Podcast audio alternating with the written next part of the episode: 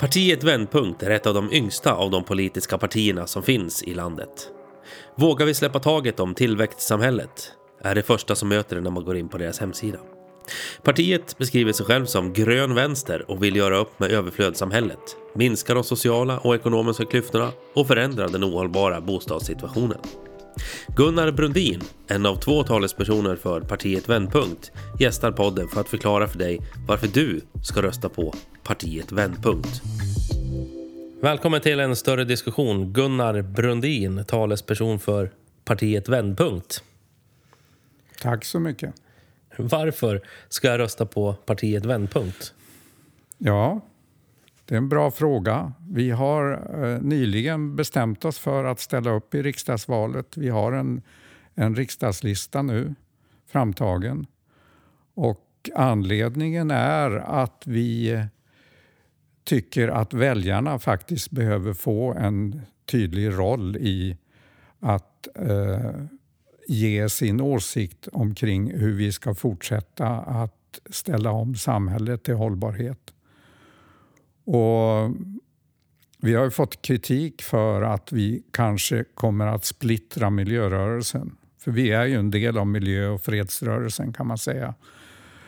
Men eh, vi eh, finner att de eh, partier som nu säger sig representera miljörörelsen eh, och fredsrörelsen de svävar lite på målet och de är väldigt osäkra och de driver, framförallt så driver de frågan om ekonomisk tillväxt.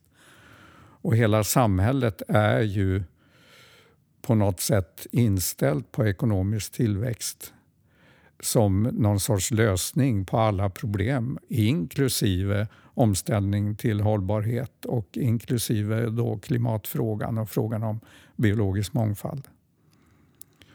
Och Problemet är att det kanske är, eller rättare sagt vi gör den bedömningen att det är just den ekonomiska tillväxten och den ökande konsumtionen som är boven i dramat. Det är den som skapar de problem vi har försatt oss i, mänskligheten. Och då måste något land i världen måste kunna gå före. Eh, och vi tror att eh, Sverige egentligen har väldigt goda förutsättningar att gå före. Vi är ett lagom stort land, eller lagom litet land om man så säger. Och vi har en stark, förhållandevis om man jämför med resten av världen i alla fall, stark demokrati. Och vi har eh, en tradition och också en tillit till eh, både politiker och eh, myndigheter som är högre än i andra jämförbara länder. Även om många redan idag föraktar politiker så, så är det många som förstår att vi behöver politiken, att vi inte har något annat verktyg att använda för att fatta gemensamma beslut. Den kritik från Splittra miljörörelsen säger att ni har fått. Vem har kommit med den kritiken? Ja, det är ju alltså framförallt så är det Miljöpartiet och, sen, och Vänsterpartiet skulle jag vilja säga. Och det är väl de två partierna som är mest hotade av, av partiet Vändpunkt. Och vi känner ju, jag själv har då en bakgrund i, i Miljöpartiet och min talespersonkollega har en bakgrund i Vänsterpartiet. Och eh, vi märker ju båda och har många vänner kvar naturligtvis bland de som är medlemmar i de här två partierna. Och vi vet att många tänker ungefär som vi gör. Men vi ser också att partiledningarna allt mer drar åt det traditionella hållet, nämligen att förespråka mer och mer investeringar, mer och mer eh, industriella investeringar för att så att säga skapa den här nya, nya samhället på ett annat sätt men ändå fortsätta som förut med ökad energianvändning, fortsätta med ökad bilism och ökat transportarbete eh, storskalig industriellt jordbruk, storskalig in, industriell eh, skogsavverkning och så vidare. och skogsindustri överhuvudtaget. Så att, och där, ja, vi, vi ser ju vad som händer i naturen och vi måste försöka vara mer lyhörda. Vi måste lyssna på vad naturen säger. Och det är bara att titta på korallreven eller titta på det som händer i skogen. Idag har du enligt Artdatabanken så finns det 348 rödlistade arter i Sverige. Jag tror att den siffran stämmer. Eh, och eh, mer än hälften av dem finns i den svenska skogen och det beror ju på naturligtvis hur vi hanterar skogen. Skogen skriker efter att få vara i fred i större eh, utsträckning. Och det måste vi tillgodose och därför så behöver vi eh, tagga ner när det gäller våra ambitioner på exempelvis att exportera pappersmassa och att tillverka så mycket eh, skogsprodukter genom att mala ner vår skog som bara far upp som koldioxid i atmosfären. Och Det handlar både om biologisk mångfald men också om, om då själva klimatfrågan som sådan. Jo, men när man eh, brukar skog så då blir det först ett kalhygge men sen planterar man ju direkt ny skog. Så eh, det blir väl ett... Det är en, eh, vad säger man? Nu tappar jag ordet här. Ja. När det går runt i en cirkel, Ja, vad ett heter kretslopp. det? Ett kretslopp, ja precis. Ja. Ja. Så är, det... Även Ja, fast man nej, planterar men nytt alltså- så är det ändå dåligt. På lång sikt så kan man ju säga det. Om man nu bortser från, från eh, biologisk mångfald, vilket eh, eh, alltså att man gynnar två eller tre arter utav alla de tusentals arter som finns i ett par tusen arter i alla fall som finns i våra skogar så är, så är det klart att man påverkar biologisk mångfald. Det är ju bara, eh, ja, det förstår vem som helst. Men när det gäller eh, då klimatfrågan så är det ju tidsaspekten som är så problematisk. För enligt FNs klimatpanel så måste vi till 2030 i världen ha halverat våra eh, koldioxidutsläpp. Och eh, för att göra det, vi ser ju bara hur svårt världen och Europa har att bli av med den ryska oljan och ryska gasen. Eh, och att det kommer att ta tid att bygga upp det. Under den tiden så måste vi använda våra skogar till att binda in mer kol. Och de skogar vi har i Sverige idag, de kalhuggs ju i snabbare takt. Eh, I så snabb takt så att eh, vi kommer inte upp till den mängden kol som egentligen kan byggas in i skog och mark i Sverige. Eh, för vi tar, vi tar eh, träden, granarna och tallarna när de är tonåringar istället för att låta dem fortsätta att växa och därmed binda både kol i stammen och i marken.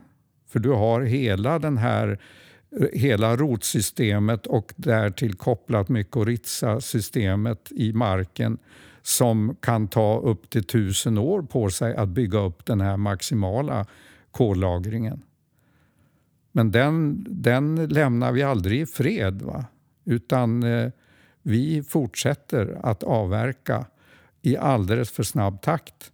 Och vi behöver bygga upp kolförråden. Sen är det helt riktigt att så småningom hamnar man ju i någon form av steady state där du inte kan binda in mer kol, men vi är långt därifrån. Under, under flera decennier kommer vi att kunna bygga upp väldigt mycket mer kol i eh, svensk skogsmark och finsk och, och rysk. Och det är ju hela taigan, egentligen hela norra, norra delen av världen som eh, har väldigt stora skogar och väldigt stor potential till att bygga in mycket mera kol.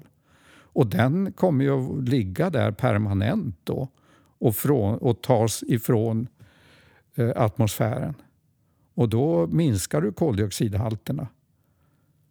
Och sen får du under samma tid då, och, och eh, under snabbare tid så måste ju avvecklingen av de fossila bränslena göras. Och där är vi ju helt överens med miljörörelsen och Naturskyddsföreningen har lagt ett, ett förslag på fossilstopp till 2030 till exempel. Så att där måste vi vara väldigt snabba. Eftersom det fossila, till skillnad då från skogen, för ju in nytt kol i vårt ekosystem. Och det måste, det måste vi ju eh, plocka bort först. då. Men vi måste göra båda sakerna samtidigt. En stor uppgift. Det är det. Ja, det, som du säger, det är ju norra halvklotet och, och bland annat Sverige då, är ju väldigt rikt på skog. Ja. Väldigt rikt på skog. Men eh, här i norra Uppland, eller hela Uppland egentligen, det är ju ett ska man säga, det är ett slätt samhälle. Det är, det är ja. slätter överallt, det är, det är åkrar och sådär. Tycker att man ska plantera skog här? Absolut inte. Nej. Det, var ska utan, den nya skogen, eller den skogen som vi behöver mer, var ska den finnas då? Nej, vi, vi, alltså jag tror överhuvudtaget det är väldigt begränsat då, på de ställen där det har funnits skog tidigare, där det möjligen... Men, men i princip så handlar det om att låta den skog vi har få utvecklas på sina egna villkor. Det är det viktiga. Och där vi har betesmarker, där ska vi fortsätta ha betesmarker. Betesmarker binder in väldigt mycket kol också. Och eh, om du ser på till exempel här metanproblematiken så är, har vi ju under miljoner år haft eh, betande djur. Eller, ja, så länge människan har funnits så har vi haft betande djur som har levat i samspel med betesmarker. Och eh, vi har inte haft några ökande metanhalter. De ökade när vi började eh, utvinna fossila bränslen. Det var då de steg. Och att de stiger på grund av djur, det gör de när vi har djuren i, ja, som någon forskare sa, i koncentrationsläger. Det vill säga när vi odlar och eh, odlar foder till djur och sen matar dem med foder eh, istället för att de själva går på betesmarker. Då kan, vi få ökade metanhalter på grund av eh, djuren och djurhållningen.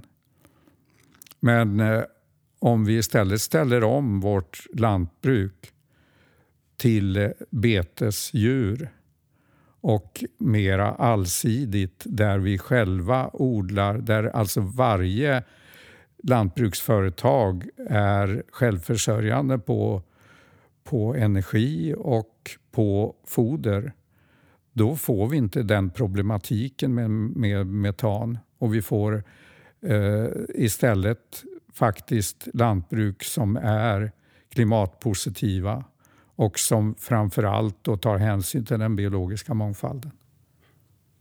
Så vi ska låta skogen som vi har vara? Det, är det så jag ska uppfatta det? Inte, inte hela. Alltså, självklart ska vi... Alltså, du, jämför med äh, bävrar eller älgar så tar de lite skog också. Och självklart ska vi kunna ta av skogen. Men det finns en mycket, och det, redan idag så, finns, så är det ju en positiv alltså kolkäll, kolsänka, den svenska skogen. Den tar in ungefär 38 miljoner ton koldioxid varje år. Men den skulle kunna ta in det dubbla lätt eh, skulle du inte ha något skogsbruk, vilket jag alltså inte förespråkar, eh, då skulle kolsänkan vara 160 miljoner ton ungefär. Så att eh, säg att du eh, dubblade, att du kanske låter kolsänkan öka till 80 miljoner ton. Enligt eh, EU-kommissionen så vill de ju, de påtalar ju att Sverige bör och Sverige och Finland bör öka sin kolsänka. Och de, eh, de säger så här, alltså deras siffra är 47 miljoner ton medan Sverige ligger på då 38. Men det är ju en förhandlingsfråga, som om man kan förhandla med naturen. Men eh, på lång sikt kan vi inte förhandla med naturen utan vi måste försöka eh, minska då vårt behov och vår konsumtion av pappersprodukter framför allt. Däremot i, till byggnadsändamål så kan vi använda skogen. För där, då lagrar vi ju in Eh, här till exempel i det här huset som vi sitter i nu så, så eh, är det ju ganska mycket trä. Och eh, det är inte några gipsskivor eller så utan det är råspont i alla väggar också. Så att, eh, och här eh, lagras ju kolet. Men om du tar toapapper eller om du tar eh, tidningar eller om du tar wellpapp och kartong så blir det ju väldigt fort koldioxid i atmosfären förr eller senare. Man kan ha en viss återanvändning och återvinning men eh, så småningom så blir det koldioxid. Och då, då skickar du alltså upp mer eller mindre direkt eh, stora delar av vår skog upp i atmosfären. Och det borde lagras längre. Sen kan man fråga sig hur ska, hur ska den här omställningen gå till? Ja, vi måste kanske ha eh, typ japanska toaletter eller bidéer eller annat som gör att vi kan tvätta oss eh, i baken med, med, med vatten istället. Och är det det som är en japansk toalett? Har de ja. sån, såna anordningar? Ja, de har såna anordningar. Va? Det, det finns ju olika sätt. Så det, det och det, det kommer kanske bli lönsamt den dagen vi lägger mera skatt på och den dagen ska vi säga, utbudet av pappersmassa minskar till, till följd av att vi inför kontinuitetsskogsbruk i skogen och till följd av att vi avsätter mycket större andelar till naturreservat. Va? Så att det, och det är ju det är den typen av handfasta omställningsåtgärder som behövs. Va? Och tar du, tar du returkartong så kan du ju se, jag vet inte hur mycket du själv köper på internet. Men eh, du kan ju, vi köper ibland vitaminer och sådana saker och då ligger en stor eh, sån här pappkartong i brevlådan som, eh, och innehåller ett par burkar utav vitaminer. Och där måste man ju också förändra beteendet på olika sätt. Va? Och vi måste inse att ja, vi kanske ska ha någon sorts retursystem där man eh, har eh, andra typer av transportförpackningar där man behöver transporter.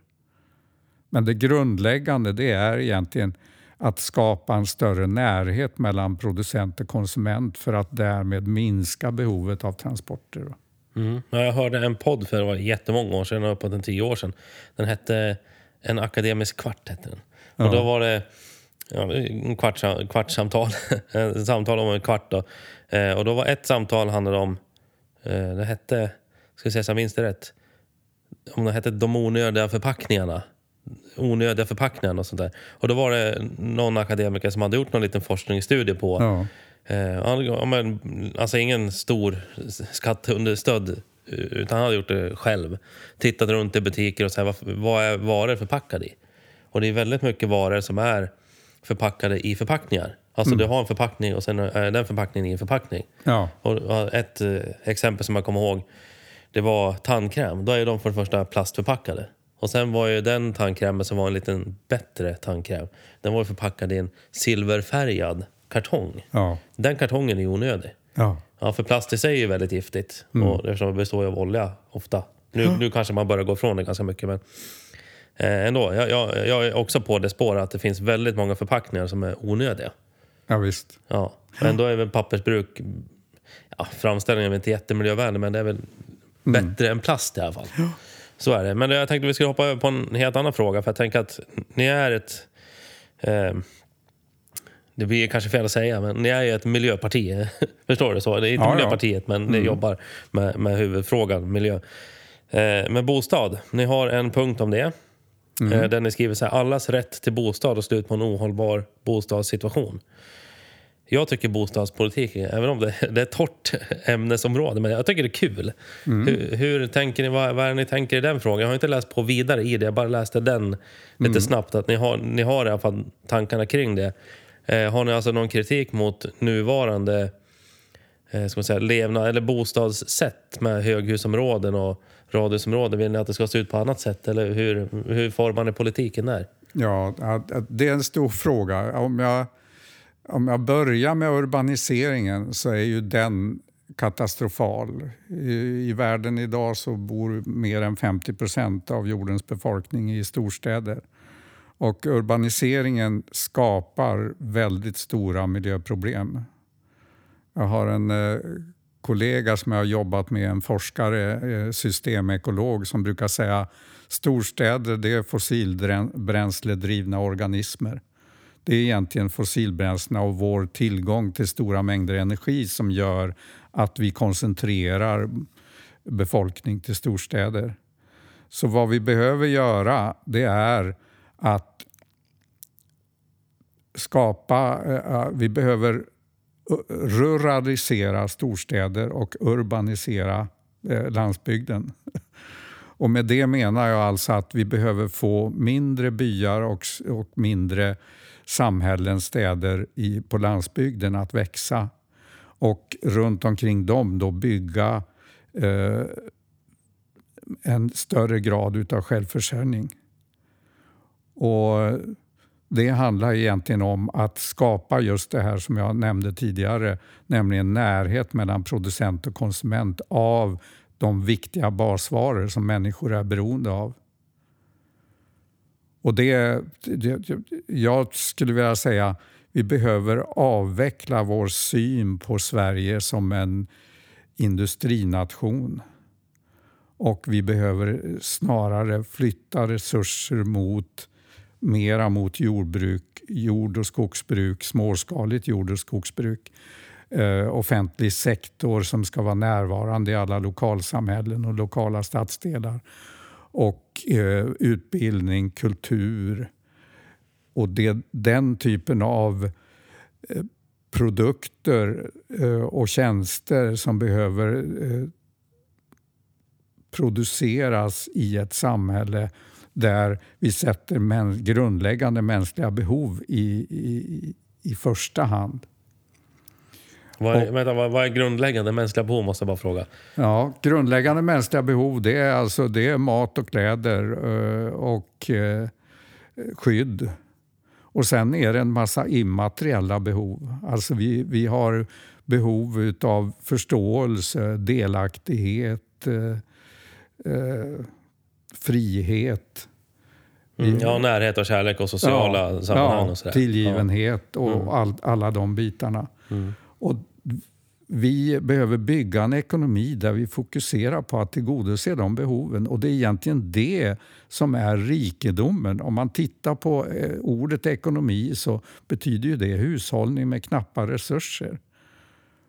Och Det betyder att, att vi, vi behöver hushålla med de resurser vi har för att tillgodose de grundläggande behov som vi har.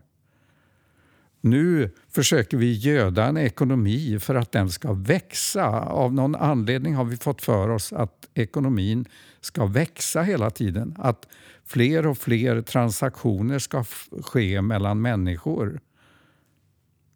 Och det... Ja, jag, jag, jag Ja, det är knappt jag kommer ihåg vad du... Ja, du frågade om bostads, mm. bostadsfrågan. Mm. Jag ska försöka komma in på den, för det, det, det handlar om det. Uh, det jag ser framför mig och det vi ser framför oss det är ju att det allmänna, alltså om du tar allmännyttan, det vill säga de kommunala bostadsaktiebolagen om man nu ska vara konkret. Mm de behöver få, en, få tillbaka en mycket starkare roll i samhället.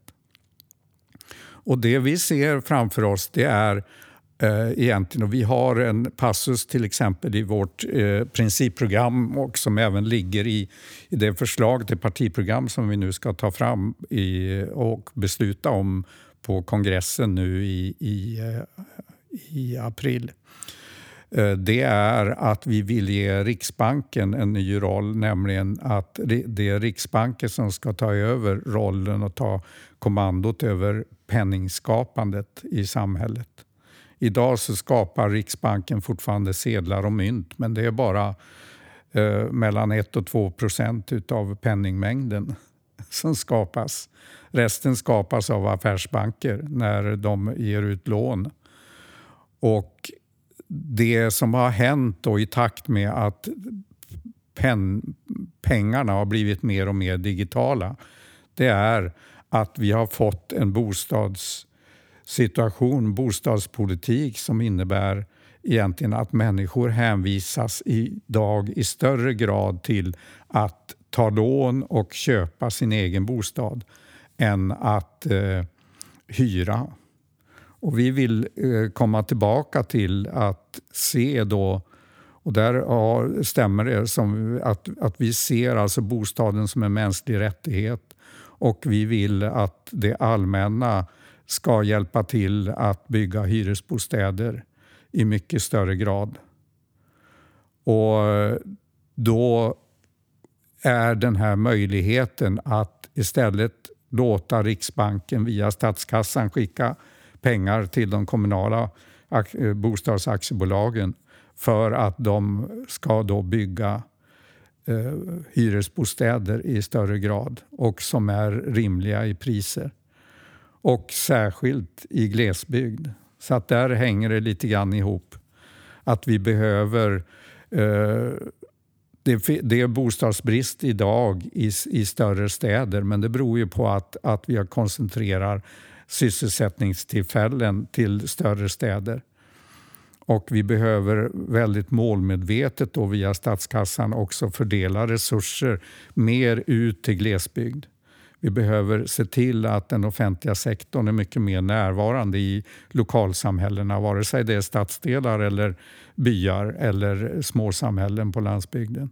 Och vi behöver ge också via statskassan eh, bidrag till att ställa om jordbruk och jord och skogsbruk egentligen till ett mer småskaligt sådant. Där människor då ska kunna flytta ut på landet och skaffa sig en bärgning eh, på det sättet. Och en, en viktig motor i det sammanhanget är också att vi är för basinkomst. Och det är alltså en, eh, utan några som helst villkor så är det en, en inkomst till varje vuxen människa som man kan leva på. Och då säger många, ja, då lägger sig folk över hängmattan. Ja, lägger man sig i hängmattan så använder man mycket mindre och hushållar mycket mer med de knappa resurser som vi har. Framförallt det utsläppsutrymme som redan är fullt ovanför våra huvuden i, i atmosfären när det gäller klimatet. Så att eh, det, med fördel så ska ett antal människor lägga sig i hängmattan och med fördel ska ett antal människor jobba deltid i större grad. Och då skulle de kunna välja att våga flytta ut, våga börja prova att skapa sig en ny verklighet och ett nytt jobb. För det är klart att basinkomsten kommer bara att täcka det allra nödvändigaste mat och hyra i princip. Så man säger att den kommer följa riksnormen, alltså man har nu för ekonomiskt bistånd, alltså socialbidrag? Är det så man tänker? Ja, någonstans där mm. ligger det. Det finns, inga, det, det, finns lite olika tankar runt omkring det. Mm. Men om man ska eh, sammanfatta just bostads, er bostadspolitik, ungefär, så ska det, det ska vara med hyresbostäder. Allmännyttan ska ja. vara ska man säga, större och starkare. Och den ska finnas med på landsbygden. Ja. ja. För det, jag vet inte hur, jag bor ju i Gävle själv. Det är inte en storstad men inte en liten stad heller, en mellanstorstad. Eh, det här, nu är vi i Tierps kommun om jag inte har ja, fel. Va? Precis. det är Tierps. Ja, och här är det väl inte så att det finns jättemycket hyres inom allmännyttan? Nej. Nej. För där, Tierp är ingen storstad, det är bara en liten köping. Alltså ett litet ja. samhälle egentligen. Ja med en tågstation men och lite det finns, butiker. det finns lite hyresbostäder Ja, det vet jag. Men jag tänker, sen finns det massvis. Men det här, här i Örbyhus och så finns det eh, Karlholm, det finns... Eh, ja, nu, nu tappar jag, jag kan ju de flesta orter här, men det, det är många ja. små. Söderfors. Söderfors, ja. ja. Mm. Um, men ni tycker att de ska bygga i alla de här orterna, eller även utanför de här små orterna? Ja, alltså eh, det, där kommer ju biologisk mångfald in. Alltså det, jag, jag, tror inte att vi ska så att säga, bygga nya bosättningar eller, och inte sprida ut husen hur mycket som helst. Utan jag tror att eh, man ska, om man satsar offentliga resurser då ska man nog också försöka tänka lite grann utifrån eh, Eh, ett samspel mellan mänskliga bosättningar och övriga arter som vi har runt omkring oss och som vi har ansvar för. Naturligtvis. Och då, då tror jag att då ska vi försöka hitta eh, lagom stora bosättningar där, och det kan vara mindre städer, mindre samhällen, byar, där vi ändå kan ha en fungerande offentlig sektor närvarande. Där vi har kanske en skola som ligger i centrum och som då är eh, ja, ett slags miniuniversitet i det här lokalsamhället. Där människor kan kanske ha möten och, och studiecirklar och sånt på kvällarna och där man kan ha eh, möten i gymnastiksalen eller spela teater i gymnastiksalen eller vad det nu kan vara. Alltså eh, man bygger... Jag tror att människor människorna behöver, om vi liksom har det här perspektivet att vi är en art bland många, så behöver vi människor bli mer stationära igen, som vi var förr. Va? Och, och, Det innebär egentligen att de mesta mänskliga relationerna blir då i byn eller i kvarteret om det är i större städer. Mm, att vara stationär, ja. Eh, för tolkar rätt då att man ska vara med bofast så att säga. Vi ska inte hålla på och resa så mycket utan vi är hemma eh, där vi bor och runt om i närområdet. Så att säga. Vi ska inte liksom hålla på och sticka till Thailand och eh, var man nu åker, Spanien. Nej. Minskande resande. Men jag tänker inte människans natur att vara eh, vad heter det? nomader. Alltså, eh, man rör sig runt om för att man vill veta vad som är bakom nästa eh, backkrön, nästa berg. Absolut. Alltså, den finns ju där hela tiden. Men den, alltså, det som har hänt de senaste decennierna eh, och de, eller senaste par hundra åren det är ju att vi har fått tillgång till så mycket energi. Och det är klart att vi har fortfarande det där. Eh, Elon Musk han vill ju, han vill ju bosätta sig på, på Mars. Så att det, alltså det är oändligt. Va? Det spelar ingen roll. Jag såg en, en dokumentär om två bröder i... Eh, ja, det var i mitten på 1900-talet. 1950-talet tror jag det var. Jag levde ju då till och med. Eh, de eh, två bröder i Småland utanför Växjö en av de här två Det de, de beskrev egentligen deras liv, hur de levde med sina djur och med naturen runt omkring. Och utan att använda en massa fossila bränslen och annat. Eh, naturligtvis. De behövde inte så mycket sånt. Va? De hade häst och de hade eh, kor. Och en av dem hade också med eh, sin moped varit inne i Växjö en gång. En gång. ja, den andra hade nog inte ens varit i Växjö. Men för honom var det en jättestor upplevelse att åka till Växjö. Ja, det kan jag förstå. Ja. Om man inte har... Så, ja. Egentligen är det bara relativt. Alltså, det, alltså, upptäckarglädjen kommer vi aldrig och den ska vi inte döva. Det, det är ju fantastiskt. Men vi kan ju turista i vårt eget land åtminstone. Ja, jag tänkte säga det. För det är faktiskt många som missar det. För ofta när man pratar ja. om semester, du vet, nu börjar vi närma oss sommaren och folk börjar ja. känna det som att snart kommer semestern och ja, men jag ska åka hit, jag ska åka dit. Eh, och det har jag nog fått från min mamma att eh, man måste ju semestra hemma istället. Eller måste. Men semestra hemma som en rekommendation. Alltså, ja. Det finns jättemycket i Sverige att se. Och, och, det är många som inte som jag har pratat med som inte riktigt har full koll på vad som finns ens i... för, för mig då som bor i Gävle så blir det Gävleborg och ja, Uppland då, kan man säga. Som ja, är i ja. närområdet. Så. Det är så många, många som inte riktigt vet vad, vad kan man göra här. Det finns, beror på om man har, vad man har för kriterier, vad man vill göra. Men om man är nöjd med ganska lite som jag är så ja. finns det ju mycket att göra. Ja, Vi har ju ja, Nöjespark i Furuvik till exempel. Man kan åka till Uppsala som är en större stad. Man vill bara gå runt i en stad. Ja. Eh, det finns smal, eh, vad heter det, smalspårs eh, järnväg utanför Sandviken och så i, i Uppsala finns det. Uppsala, ja. Länna. Ja, visst. Massvis med saker. Massvis med stränder att bada på. Ja. Och så här. så att det, det finns saker att göra. En, en fråga vill jag ställa innan. Jag känner att jag har tusen frågor jag vill ställa. Ja. Väldigt mycket eh, intressant du har att komma med. Men eh, ni är ett nytt parti. Och jag har märkt att flera andra små och nya partier, eller mindre ska jag säga, partier i alla fall, de definierar sig aldrig ideologiskt. Men jag tycker att det är ändå där man samlas kring som människa. Alltså just någon form av idé.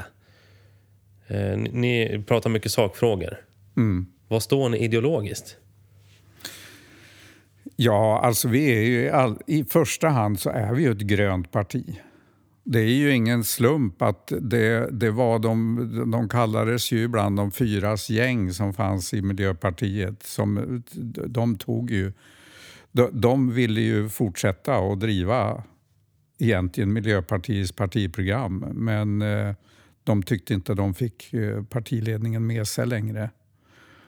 Och eh, de blev motarbetade, så att de, de hoppade ju av. Men vi står ju också ganska långt till vänster, tror jag. Så att eh, jag är inte rädd för att definiera oss som vi är grönvänster. Vi vill, eh, vi vill att samhället ska ta en större del i eh, framförallt den omställning som sker nu. Och när det gäller till exempel bostadsaktiebolagen va, så är ju det, precis som skolan och, och allt annat, har ju det varit eh, offentliga eh, en, en, en väldigt integrerad del av offentlig sektor tidigare. Men sen har ju den här liberalismen kommit, så att säga nyliberalismen som då vill eh, få in någon sorts valfrihet. Jag förstår inte vad det är för valfrihet. Eh, att eh, bostadsaktiebolag, det kom ju något som heter Alvillagen 2011. Och då tvingades ju, då, då skulle ju bostads, de kommunala bostadsaktiebolagen likställas med andra bostadsbolag och operera på den fria marknaden. Och de hade inte samma särställning längre. Vilket jag tycker är synd. Och eh, jag tror att många som jobbar i allmännyttan, de skulle egentligen, och det, det vet jag, de vill egentligen tillbaka till tiden före Alvilagen där bostadsaktiebolagen hade en mycket starkare ställning. Och här, om du tar här i Tierp till exempel så har du Tierpsbyggen. De eh, sköter ju till exempel alla skolor och alla offentliga fortfarande eh, det finns inga friskolor och så vidare. Det finns inga friskolor här? Eller? Eh, friskolor, ja det är, ju, det är ju en annan, men det har ju inte riktigt med bostadsaktiebolagen att göra. Men, men, nej, men jag tänkte bara rent generellt. Nej, du pratar nej. om kommunen så, att ja, de ja, driver mycket eget. Nej, det är mycket eget. Ja. Och jag, jag, alltså, jag menar ju på att det som är allra viktigast, om vi nu ska komma tillbaka till det här ska vi säga, lokalsamhället med skolan som ett miniuniversitet mitt i, va? så är det ju att man känner att de institutioner som man har, varav den kulturellt viktigaste institutionen är skolan va? och biblioteket kopplat till skolan. Det, det är ju det man måste samlas runt omkring. Alltså vi behöver hitta ett sätt att öka livskvaliteten i det liv vi lever. Idag är vi mest konsumenter. Och som konsumenter ska vi kunna välja mellan olika saker och det är det som är hela, hela ekonomin går ut på det. Men vi är ju också producenter. Alltså vi producerar ju nytta för varandra tillsammans. Och det är ju det som jag, jag tycker är så konstigt. Om man flyttar till ett bostadsområde där det finns en skola så ska man ju, det är ju då man väljer skolan. Annars är man ju inte en integrerad del i bostadsområdet. Det är ungefär som, det är samma sak när man flyttat till ett kvarter där, där man har lördagsstädningar tillsammans och, och sen grillar man korv och, och umgås med varann. Det är ett sätt att skapa närhet mellan varann. Likaså om man sätter barnen i samma skola och att man sitter på föräldramöten tillsammans och kanske har en föräldraförening, hem, hem och skola och så vidare. Det, och man kanske har möten, då har man möten med lärare och man diskuterar gemensamma saker. Man kanske eh, sätter igång med eh, odling och djurhållning och alla möjliga sådana saker som vi har Eh, via byaföreningen här i Örbyhus har vi pratat en hel del med skolan här att vi vill ha den typen av aktiviteter. Va? Och vi vet att Tierpsbyggen då, de eh, sköter till exempel städningen i skolan. Vi säger det att ja, men städningen i skolan, där borde ju den som ansvarar för städningen från Tierpsbyggen kunna vara en ledare eh, för eleverna som hjälper till med delar av städningen och känner ett ansvar. Va? Så att, att komma in i ett lokalsamhälle och att delta i det fullt ut, det är ju det som skapar ett gott samhälle där människor kan knyta kontakter av olika slag. Va? Och då har du också möjlighet att, att har du då ett, eh, ett antal lantbruksföretag och kanske en eller annan livsmedelsindustri i närheten så kan du också skapa någonting ännu mer eh, vitt förgrenat grenverk så att säga utav relationer. Och det är egentligen det som det handlar om. Att bygga ett gott samhälle och att skapa närhet så att man... Eh, och då behöver man inte så mycket förpackningar om vi nu ska gå tillbaka till den delen. Utan man, och dessutom har man kontroll. Va? Som här i Örbyhus, här har vi ju från, jag är ju aktiv i, i byalaget här. Och eh, vi, dels har vi skapat en bilpool som är viktig för mig som inte har bil. Så jag cyklar över till, eh, det är bara tvärs över fälten här, så cyklar jag och hämtar eh, en bil den dagen jag behöver. Jag behöver bara ringa dagen innan och säga att eh, har du en bil? Så fixar han det. Det är han som har, har bilreparationsstället också här. Så att eh, han har lite extra bilar som man, man, kan använda. Visserligen fossilbilar, och det, men jag hoppas att han köper så småningom elbilar när, när det väl blir dags. De kostar ju lite mer, det brukar vara så. Ja. så det kan vara en och sen fråga. har vi startat, hem och, äh, startat äh, äh, Rekoring till exempel, så att vi har en gång i månaden, varje, i början på månaden, så har vi utlämning utanför ICA här nere. Så att jag köper till exempel, i princip köper jag aldrig kött på affären utan det köper jag direkt då istället från de bönder som finns. Så att det är ganska många livsmedelsproducenter runt omkring.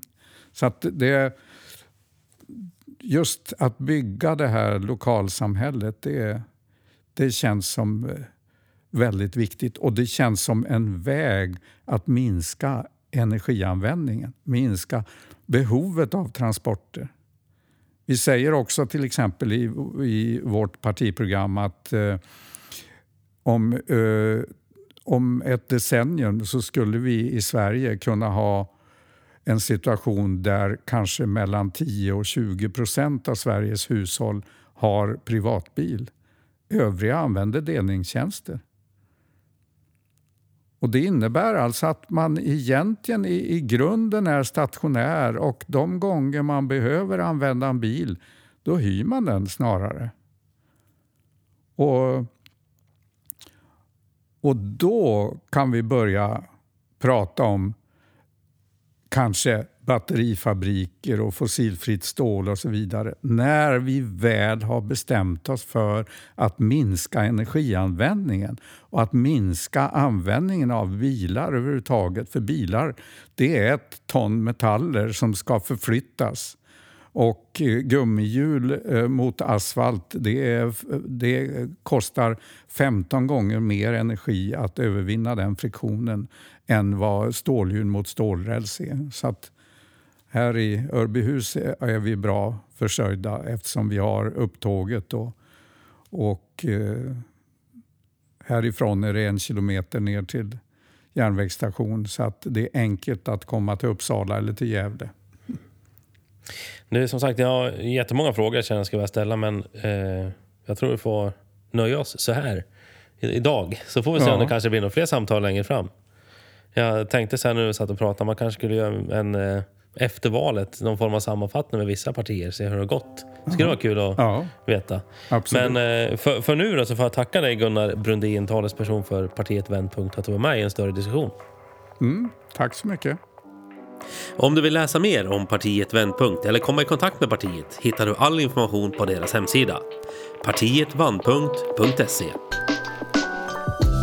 Tack för att du har lyssnat på det här avsnittet av En större diskussion. Om du gillar det du just hört får du gärna dela det med dina vänner och i dina sociala mediekanaler. Det här avsnittet är en del i serien Varför ska jag rösta på? som publiceras med ett nytt avsnitt och ett nytt parti varje lördag från den 9 juli fram till den 3 september, veckan innan valet 2022. Tack för att du har lyssnat och tack för ditt stöd. På återhörande.